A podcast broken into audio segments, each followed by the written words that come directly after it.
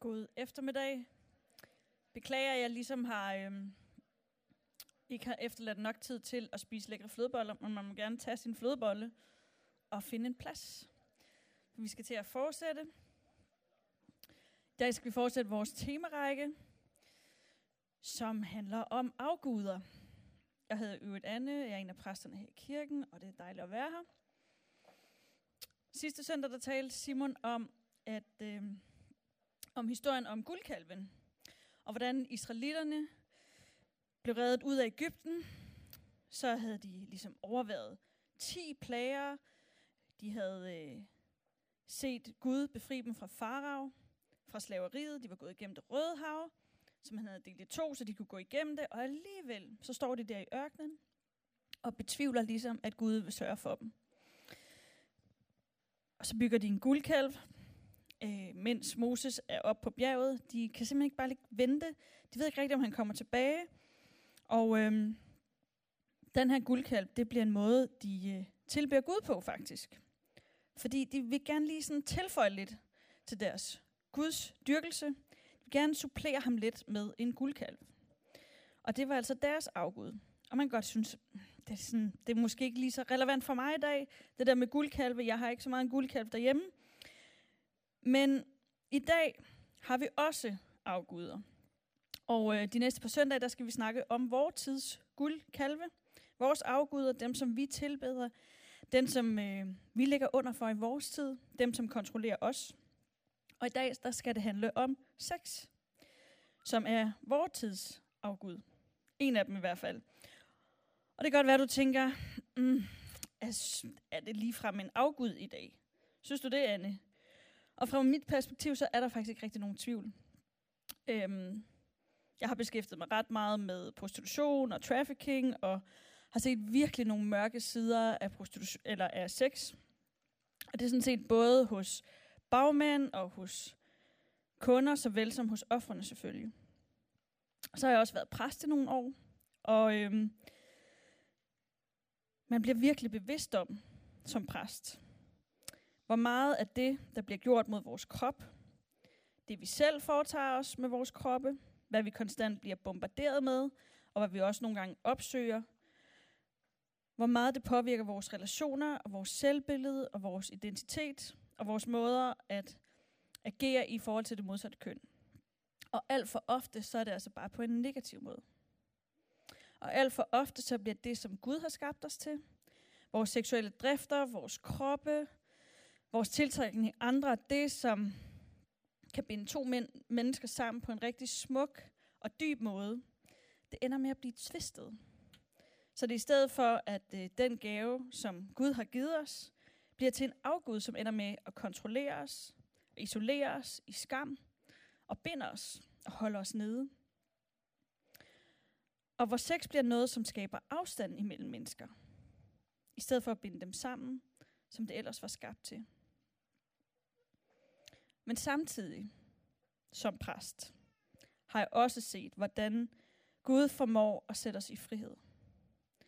At han igen og altid og hele tiden faktisk kalder os ind til intimitet med ham, til frihed hos ham, til at blive helbredt i vores relationer med ham og til samhørighed med ham og med hinanden. Og til at drikke af den kilde, som aldrig løber tør, som tilfredsstiller selv vores dybeste længsler. Og det er det, det faktisk allermest skal handle om i dag. Og først så vil jeg lige starte med at bede. Jesus, tak fordi du er her med din ånd, og hvor din ånd er, der er der altid frihed. Jeg beder om, at øh, du må være her i dag og sætte os fri. Fri for det, der binder os, fri for den skam, som holder os nede. Og til relation med dig. Sæt os fri til relation med dig og med hinanden. Amen. Jeg vil faktisk gerne starte med øh, et lidt andet sted. Øhm, og snakke om noget af det alt det smukke, alt det fantastiske og det gode, som vi er skabt til, som sex er en del af. Fordi alt for tit, så kommer det her, der handler om sex, til at handle om at være sovset ind i skam. Og det er måske aller, det, vi aller, aller mindst er kaldet til, det er til at leve et liv i skam. For skam, det har en evne til at isolere os. Det har en evne til at få os til at gemme os, til at få os til at føle os uværdige. Og sex er virkelig noget af det, øh, der bliver gjort destruktivt, når det bliver skamfuldt. Og øh, så er sex blevet en afgud. Og jeg vil bare gerne slå fast, at det slet ikke er meningen, at vi skal skamme os. Og øh, det her emne, som så nemt kommer til at blive fyldt med skam, øh, det er hverken det, som Gud har tiltænkt, eller som er meningen. Hverken, øh, det er ikke meningen, vi skal skamme os over vores kroppe, det er ikke meningen, vi skal skamme os over vores seksualitet, det er ikke meningen, vi skal skamme os efter, at vi længes efter noget som helst i livet. Skam, det fastholder os i mørke, det fastholder os i afhængighed, og det kommer der virkelig ikke noget som helst godt ud af. Heller ikke på det her område. Og skam, det er ikke fra Gud. Skyld, det er en følelse, der kan fortælle os, at vi har gjort noget forkert, og at det skal løses. Og det kan godt være godt. Skam, det er en følelse, der kan få os til at tro, at vi på grund af det, vi har gjort, er dårlige mennesker. Og at folk, hvis folk virkelig vidste, hvad der lå inde i os, hvad vi har gjort, så ville de afvise os. Og skyld, det kan føre os til at leve et bedre liv, men skam, det får os bare til at skjule os og gemme os i mørke. Skam er ikke fra Gud. Det er højst et meget effektivt våben, som den onde kan bruge til at holde os fanget i mørke og i afhængighed. Så noget, jeg rigtig gerne vil have på plads først i den her tale, det er, vi er ikke kaldet til at skamme os. Og det må rigtig gerne forlade det her rum lige nu.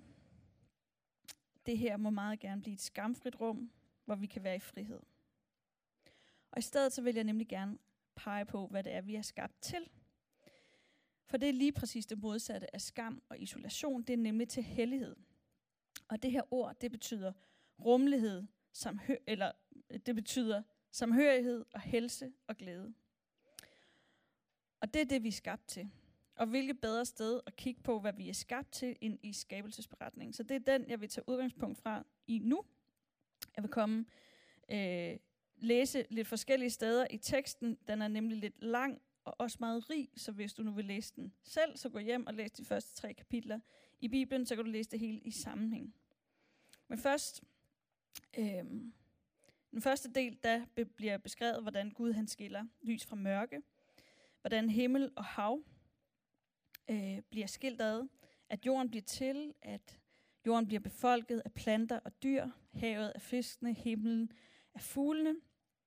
Og hver gang der, kom, der bliver, at Gud skaber noget nyt, så stopper det op og siger, og Gud så, at det var godt. Gud så, at det var godt. Og så læser vi fra vers 26. Gud sagde, lad os skabe mennesker i vores billede, så de ligner os. De skal herske over havets fisk, himlens fugle, kvædet, alle de vilde dyr og alle krybdyr, der kryber på jorden. Gud skabte mennesket i sit billede. I Guds billede skabte han det, som mand og kvinde skabte han dem. Og Gud velsignede dem og sagde til dem, Bliv frugtbare og talrige, opfyld jorden og underlæg jer den. Hersk over havets fisk, himlens fugle og alle dyr, der rører sig på jorden. Gud sagde, nu giver jeg alle planter, der sætter frø på hele jorden, og alle træer, der bærer frugt med kerne. Dem skal I have til føde. Til alle de vilde dyr, og til alle himlens fugle, ja til alt levende, der rører sig på jorden, giver jeg alle grønne planter som føde.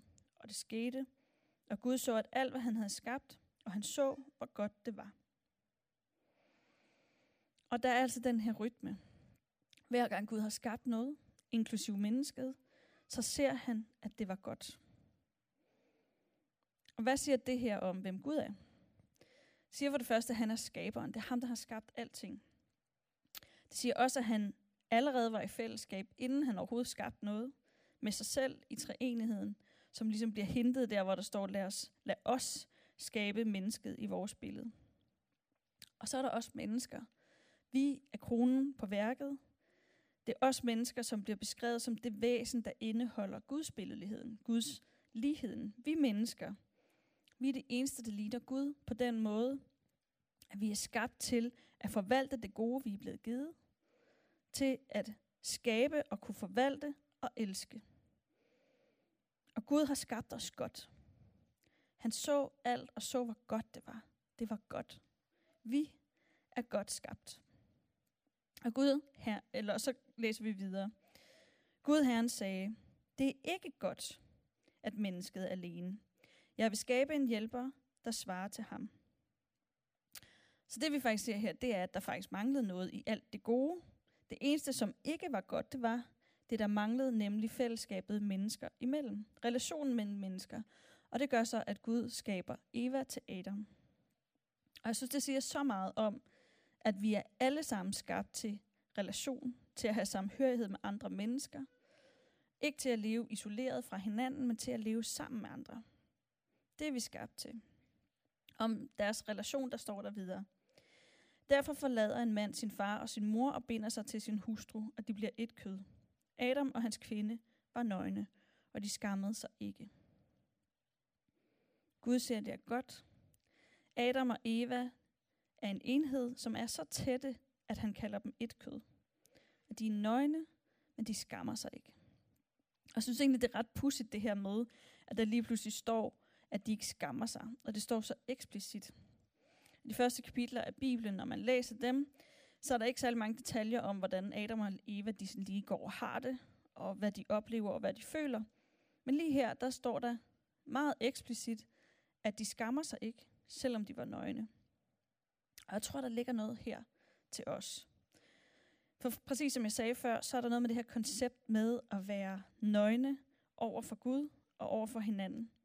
Der er ikke noget mellem dem. Der er ikke noget, der adskiller dem fra hinanden.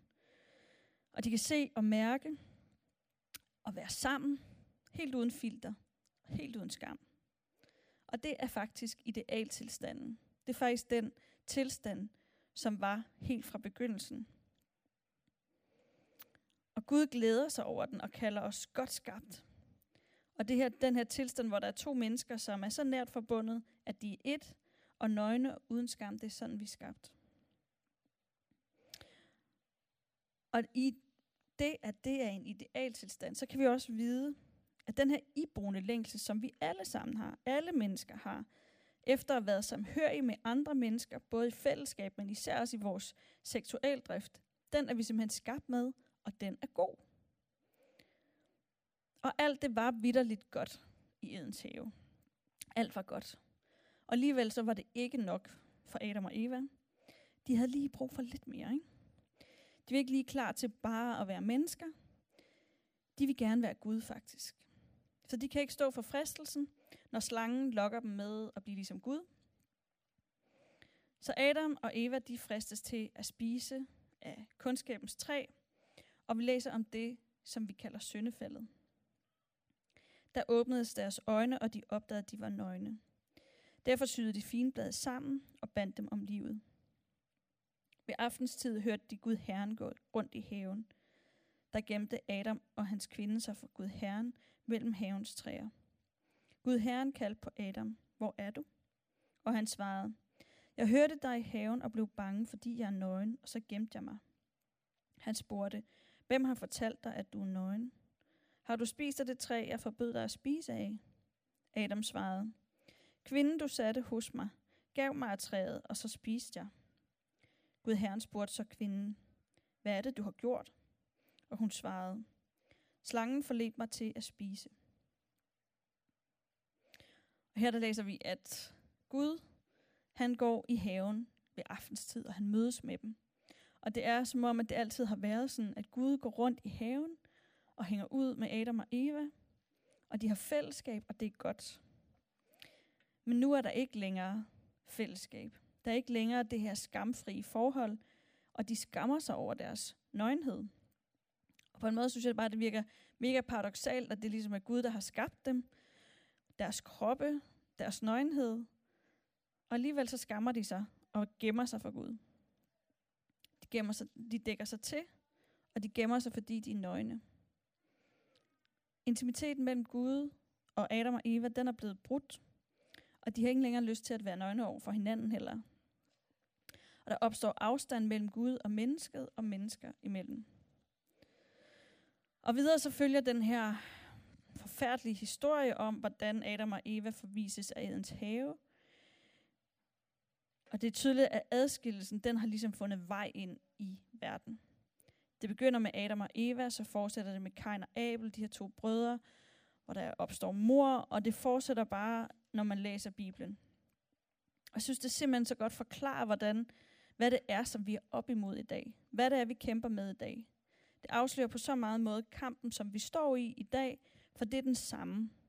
Adskillelsen mellem Gud og mennesker, og adskillelsen mellem os mennesker imellem. Det er syndefaldet, og det bærer vi også rundt på i dag. Det er simpelthen det modsatte af det, vi er skabt til. Vi er skabt til relation, vi er skabt til samhørighed med Gud og med hinanden. Og det modsatte af samhørigheden, det er synden. Synden, det er den afstand, det er den brudhed, der er mellem mennesker og Gud, og mellem Gud, eller om mennesker imellem i vores verden. Men jeg vil lige vende tilbage til alt det her med begyndelsen, hvor alt før synden var kommet ind i verden, var godt, og alt afspejlede Gud, som er hellig. Og hvordan det lige var, det så ud. For hellighed, det kendetegnede den perfekte verden. Før faldet, med fuldkommen helse, samhørighed og glæde. Det er definitionen på hellighed. Og i virkeligheden, så var det det, Adam og Eva var fra begyndelsen. De var hellige, de afspejlede Gud. Alt var godt, alt afspejlede Guds væsen og Guds natur. Synden var der ikke. Afstanden mellem Gud og mennesker var der ikke. Lad os lige dvæle lidt ved det her ord hellighed. I Gamle Testamentet der bruges ordet hellig eller hellighed 850 gange. I Nye Testamentet er det over 150 gange. Og på græs der kan man oversætte ordet hellig, som hedder haikos, til at være øh, beskrive det, der er sat til side, dedikeret til, eller overgivet, eller indvidet til Gud. Og hellighed, det bliver brugt i Bibelen i sammenhæng med ord som renhed, uden fejl, eller lydefrit, som man også vil kalde det, retfærdighed, gudsbillighed, gudslighed, ære, godhed, sandhed og herlighed. Og lige siden sødenfald, så har Gud inviteret os til at komme tilbage til ham, til at være som ham, til at være hellige igen. Til at have fuldkommen helse, samhørighed og glæde. Til at være sat til side til ham. Med ham og med hinanden. Og hvis hellighed primært afspejler Guds væsen, er vores kald og invitation i dag til at være hellig et kald til at være sammen med Gud og være hellig ligesom Gud. Og synden, selvom den er universel, så er den faktisk ikke naturlig for mennesket. Den kom ind i verden med Adam og Eva i faldet. Og lige siden da, der har vi handlet som Adam og Eva. Vi har syndet og forkastet den måde, som Gud har tænkt til os at være i verden på. Og vi er blevet afskåret fra Guds nærvær. Men Gud længes simpelthen efter, at vi skal være hellige. Han længes efter at gøre os hellige. Og det er drevet af en længsel efter at genoprette os, til at ligne ham igen, til at være, som vi er blevet skabt til, til relation med ham og med hinanden. Så hellighed, det handler faktisk om at blive mere menneskelig, når vi bliver gendannet til Gud, Guds billede. Helligheden, det er at blive ligesom Gud. Som der også står om i blandt andet andet Peters brev, så om, at handler det om at fordele i den guddommelige natur igen. Altså det er det, Gud kalder os til i dag. Til et liv i kærlighed med helse, samhørighed og glæde. Det synes jeg er meget nice sat til side og dedikeret til et overgivet liv med Gud og med hinanden i fællesskab. Det er det, øh, som er Guds højeste ønske for os. Blive forenet med ham og forvaltet det liv, vi har til ære for ham. Og det her intime, tætte, nære relation med Gud, hvor vi ligesom går tur i haven med ham, hvor vi kan slendre og være fuldstændig nøgne i hans, i hans nærvær. Det vil sige, sådan som vi er skabt med alt, hvad vi indeholder og indebærer. Ind for han ham, uden skam og i relation med ham og med hinanden. Det er vi simpelthen skabt til. Og fordi vi er skabt til det, så har vi simpelthen en iboende længsel. En dyb, dyb længsel efter netop det i hver enkelt af os. Til at opleve kærlighed, helhed, enhed og glæde. Det er som om vores gudslighed og vores gudsbilledelighed, den hiver i os. Vi har en længsel efter intimitet, nærhed, at være et med nogen eller noget, fordi sådan er vi skabt. Og jeg ved ikke, om du har tænkt over det før, men seksualdraften, den er netop koblet på det. På intimitet, på nærvær, til at være et, til at elske og til at være elsket. Og prøv at høre, det giver ingen mening at skamme sig over sin drift, sin seksualdrift. For den peger så meget på det, vi er skabt til, på skaberen. Ligeså vel som det heller ikke giver mening, at vi skulle skamme os over vores krop, eller vores nøgenhed, eller vores længsler i det hele taget. For sådan er vi skabt. Det er smukt, og det peger på vores skaber. Og den seksuelle akt at elske, det er måske netop der, hvor vi smager allermest noget af Guds hellighed. Der kærlighed, helhed, enhed, glæde, nydelse, intimitet, nærhed, forbundethed, at være beruset af at være et med en anden. Når det sker, det er faktisk sådan, som Gud har tiltænkt det. Så afspejler det Guds natur. Treenigheden, Gud, Fader, Jesus og Helligånden, de bekræfter konstant hinanden. De peger konstant hinanden, når vi, på hinanden, når vi læser gennem Bibelen. Jesus peger på faderen i alt, hvad han gør. Helligånden er Jesus tædefortræder. Gud fader siger over Jesus ved hans dåb, dette er min elskede søn, i ham har jeg velbehag.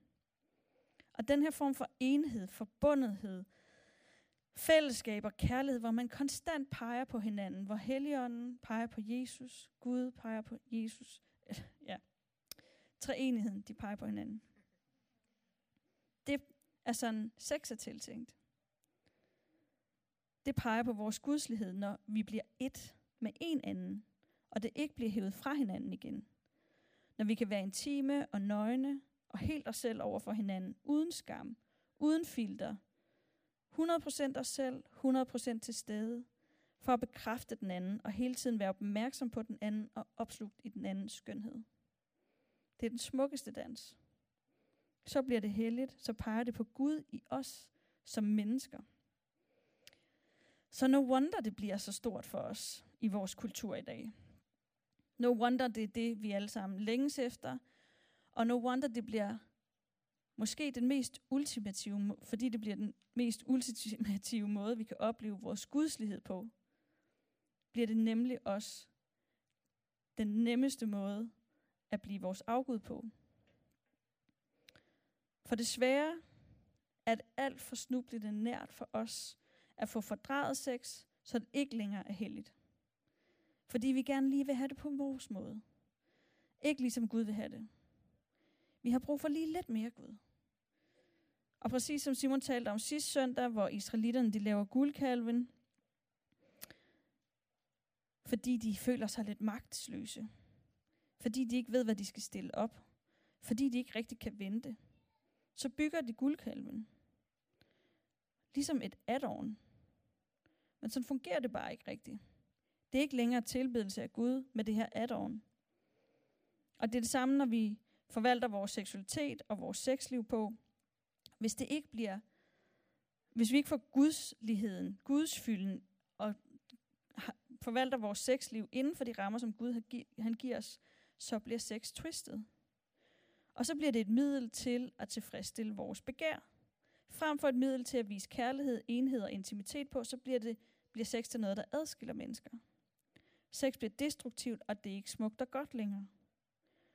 Og faktum er bare, at vi lever i en totalt pornoficeret kultur. Og konsekvensen af dette er, at en anden persons, en anden persons krop bliver objekt for vores begær, og vi oplever, at vi har ret til sex. Det er i orden, at vi bruger et andet menneske i sådan et bytteforhold. Jeg får noget, og så får du noget, og så forbruger vi lige hinanden lidt, og så kan vi smide hinanden væk bagefter. Og helt ærligt, det vidner ikke om, at vi er i kontrol, eller vi er frie, og det er i hvert fald ikke næstekærligt, eller det vi er skabt til. Det opbygger ikke vores selvværd, hverken hvis vi objektificerer andre og gør dem til genstand for vores begær, men heller ikke hvis vi selv bliver gjort til genstand for andres begær.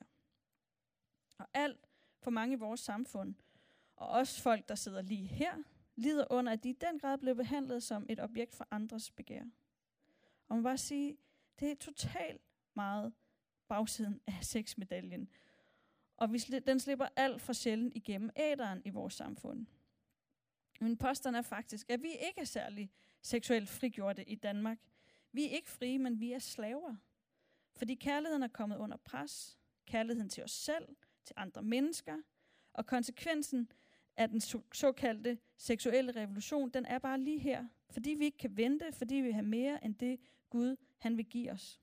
Og det smukke og fantastiske ved sex, som Gud har skabt sex, kærligheden, lejen, intimiteten, forbundetheden, fejringen af hinanden og kærligheden mellem to mennesker, det smukke og det gode ved hinanden, det skiftes ud med mine behov, mine lyster, hvad jeg har ret til, i søgen efter bekræftelse, og at føle sig helt og forstillet, den længsel, jeg har. Alt sammen under dække af, at vi er totalt frigjort. Men ved I hvad, det er simpelthen opskriften på et idol, på en afgud, hvor vi tror, vi har kontrollen, men i virkeligheden er vi styret af den. Og budskabet i vores kultur i dag, det lyder nogenlunde sådan her. Am sex, det er fantastisk, det er godt, så du skal bare få af den så meget af den som overhovedet muligt. Så længe man er tiltrukket af hinanden, så skal man bare gå amok, og så skal du bare lade dit begær blive tilfredsstillet af en anden.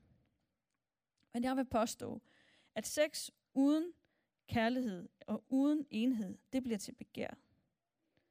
Når vi gør andre til genstand for vores begær, så bliver de til et middel, bare for at få vores begær tilfredsstillet. Og så mister sex det smukke og bliver ødelæggende. Og jeg har simpelthen set det så mange gange. Og det er simpelthen fordi, når vi er nøgne over for andre, og vi lader dem fortælle os, hvad vi er værd, og hvad øh, med, den, med det, de gør ved os, så går det dybt. Så bliver det intimt. Og sådan har det været lige fra begyndelsen. Adam og Eva var, var nøgne over for Gud. De var så tæt forbundet. Men det er ikke ligegyldigt, hvem vi er nøgne med. Det er ikke ligegyldigt, hvem vi lader tale ind over vores krop. Hvem vi lader spejle i.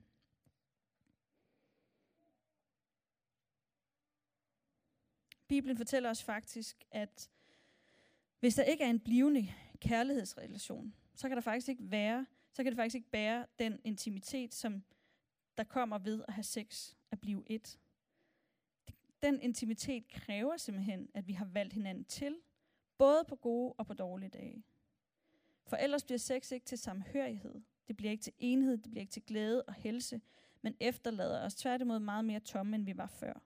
Og adskille men os mennesker bliver så meget desto større, når vi bryder den enhed, som skabes under sex. Og i virkeligheden, så er det måske sagens kerne. At vi er skabt til samhørighed, til intimitet, til nærhed, til hellighed, og ikke til adskillelse.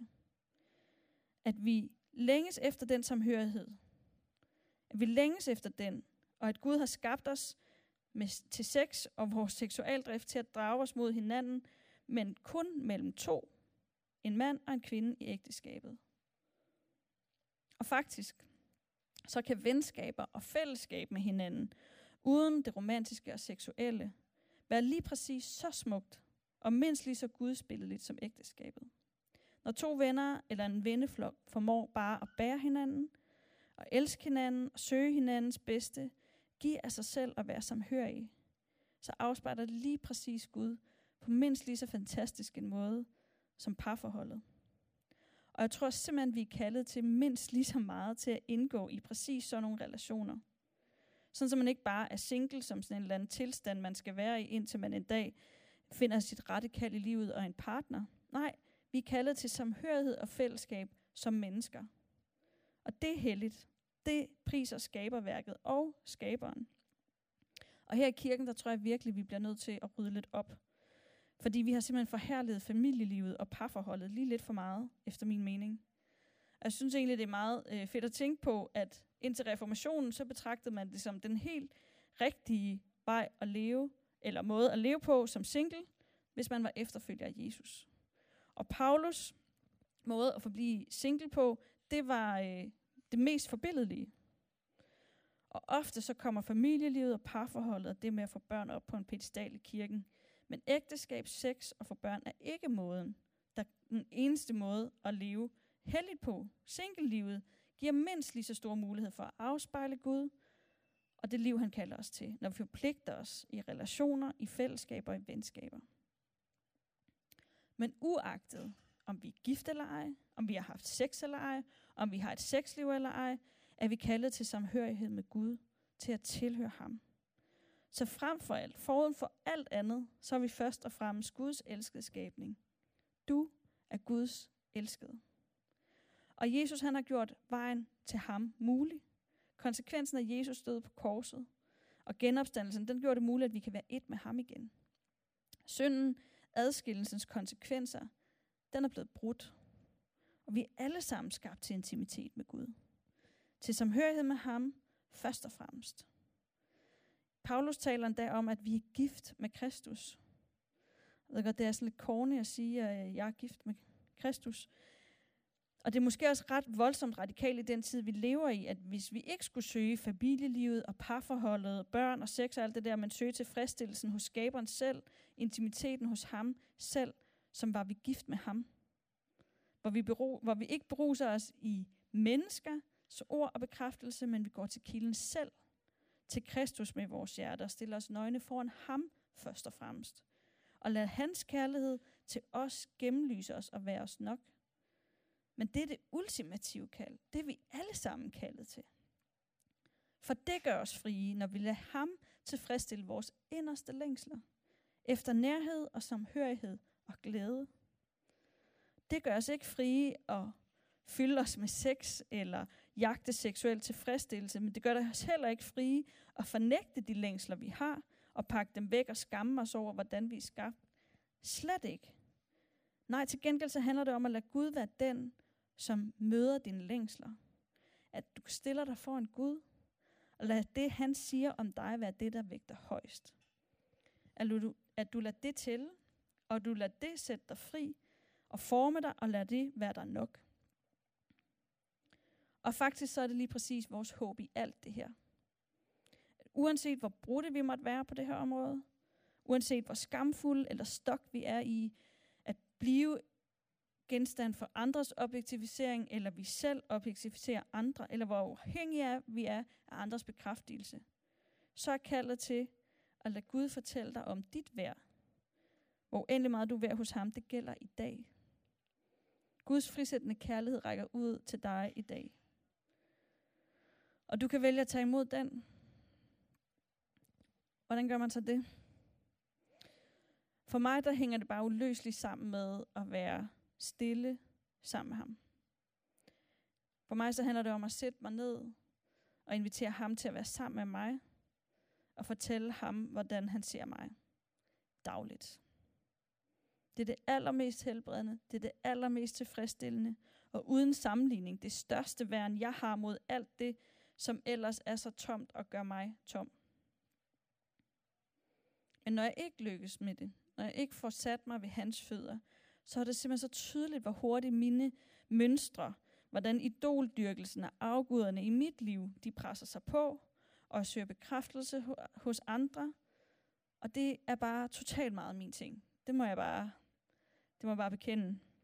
Om det så er, at mine piger skal bekræfte, at ja, jeg er en god mor, eller Simon, der skal sige, ja, du er en god kone, eller venner her i kirken, om jeg er en god præst eller en god ven. Og i det hele taget, så vender jeg mig lynhurtigt mod alle mulige andre, som skal synes, at jeg er dygtig og smuk og sød og klog og rar og venlig og sej og alt det der. Men ved I hvad, det er simpelthen for skrøbeligt. At bygge min identitet og mit selvværd op om noget andet menneske eller nogen andres mening. Og faktisk er det totalt usundt, hvis det for eksempel er mine pigers job at skulle holde mit selvværd oppe. At jeg skal føle mig elsket.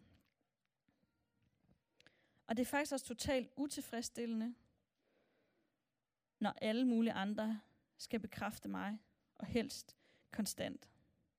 Og det er ikke særlig tilfredsstillende faktisk. Og ultimativt, så gør jeg faktisk bare andre mennesker til genstand for, at de skal bekræfte mig. Og det bliver så nemt, at deres og jeres mening om mig, det bliver min afgud. For jeg lader ikke det, Gud siger om mig, være mig nok.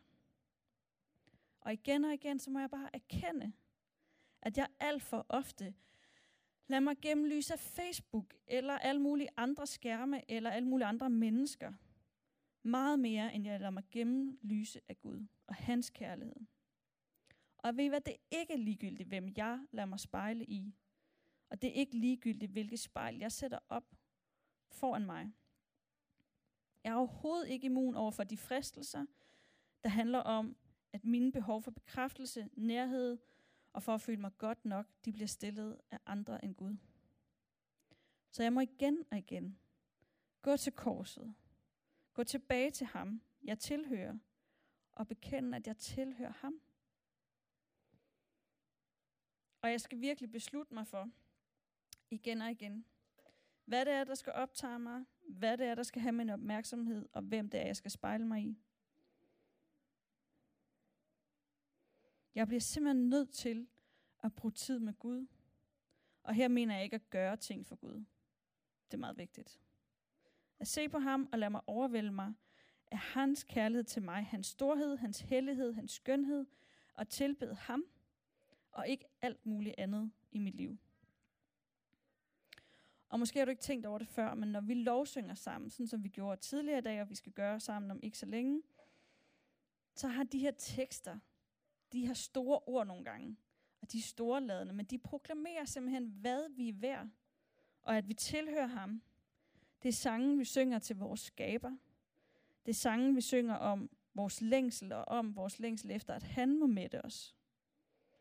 Og for mig, så er det bare så helbredende. Nogle gange at få lov at stå og lovsynge med nogle ord, som måske ikke er lige præcis af mine, men nogen, som sætter ord på det, som er inde i mig. Og jeg kan hengive mig til at lovsynge Gud. Også selvom, at der stadigvæk er så meget i mig, der ikke er særlig helligt eller særlig overgivet til Gud. Men de her sange, de understreger over for mig selv og over for alle andre, hvem det er, jeg tilhører.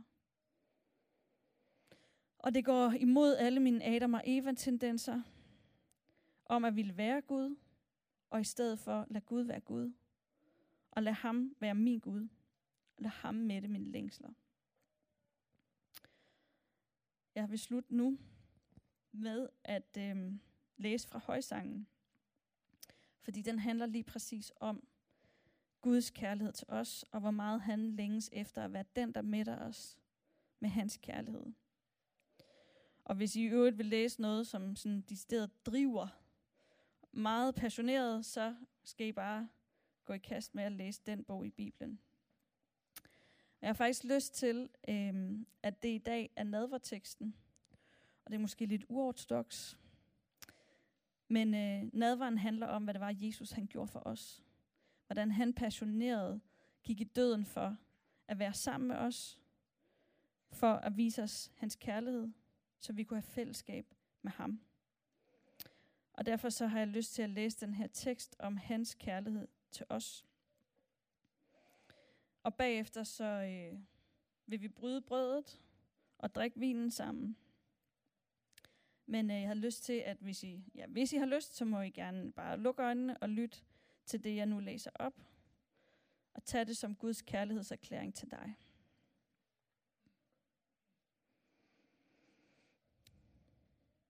Stå op, min kæreste. Kom dog, min smukke, for nu er regntiden over. Regnen er hørt op, den er borte. Lad mig se din skikkelse. Lad mig høre din stemme, for din stemme er dejlig. Din skikkelse er dejlig. Din skikkelse er yndig. O du, der vandrer rundt i den dejlige have. Mine venner vil gerne høre din stemme, men lad mig være den, der får lov til det. Lad mig være så tæt på dig, som var jeg stemplet på dit hjerte, eller sad som en ring på din arm. For kærligheden er stærkere som døden. Lidenskaben er udmodståelig som dødsrid selv. Den brænder med voldsomme flammer, som ikke kan slukkes. Vand i mængde kan ikke slukke kærligheden. Floder kan ikke skylde den bort. Kærligheden kan ikke købes for penge. Den, der forsøger det, får kun foragt. Alt på dig er smukt, min kæreste. Der er ingen fejl ved dig.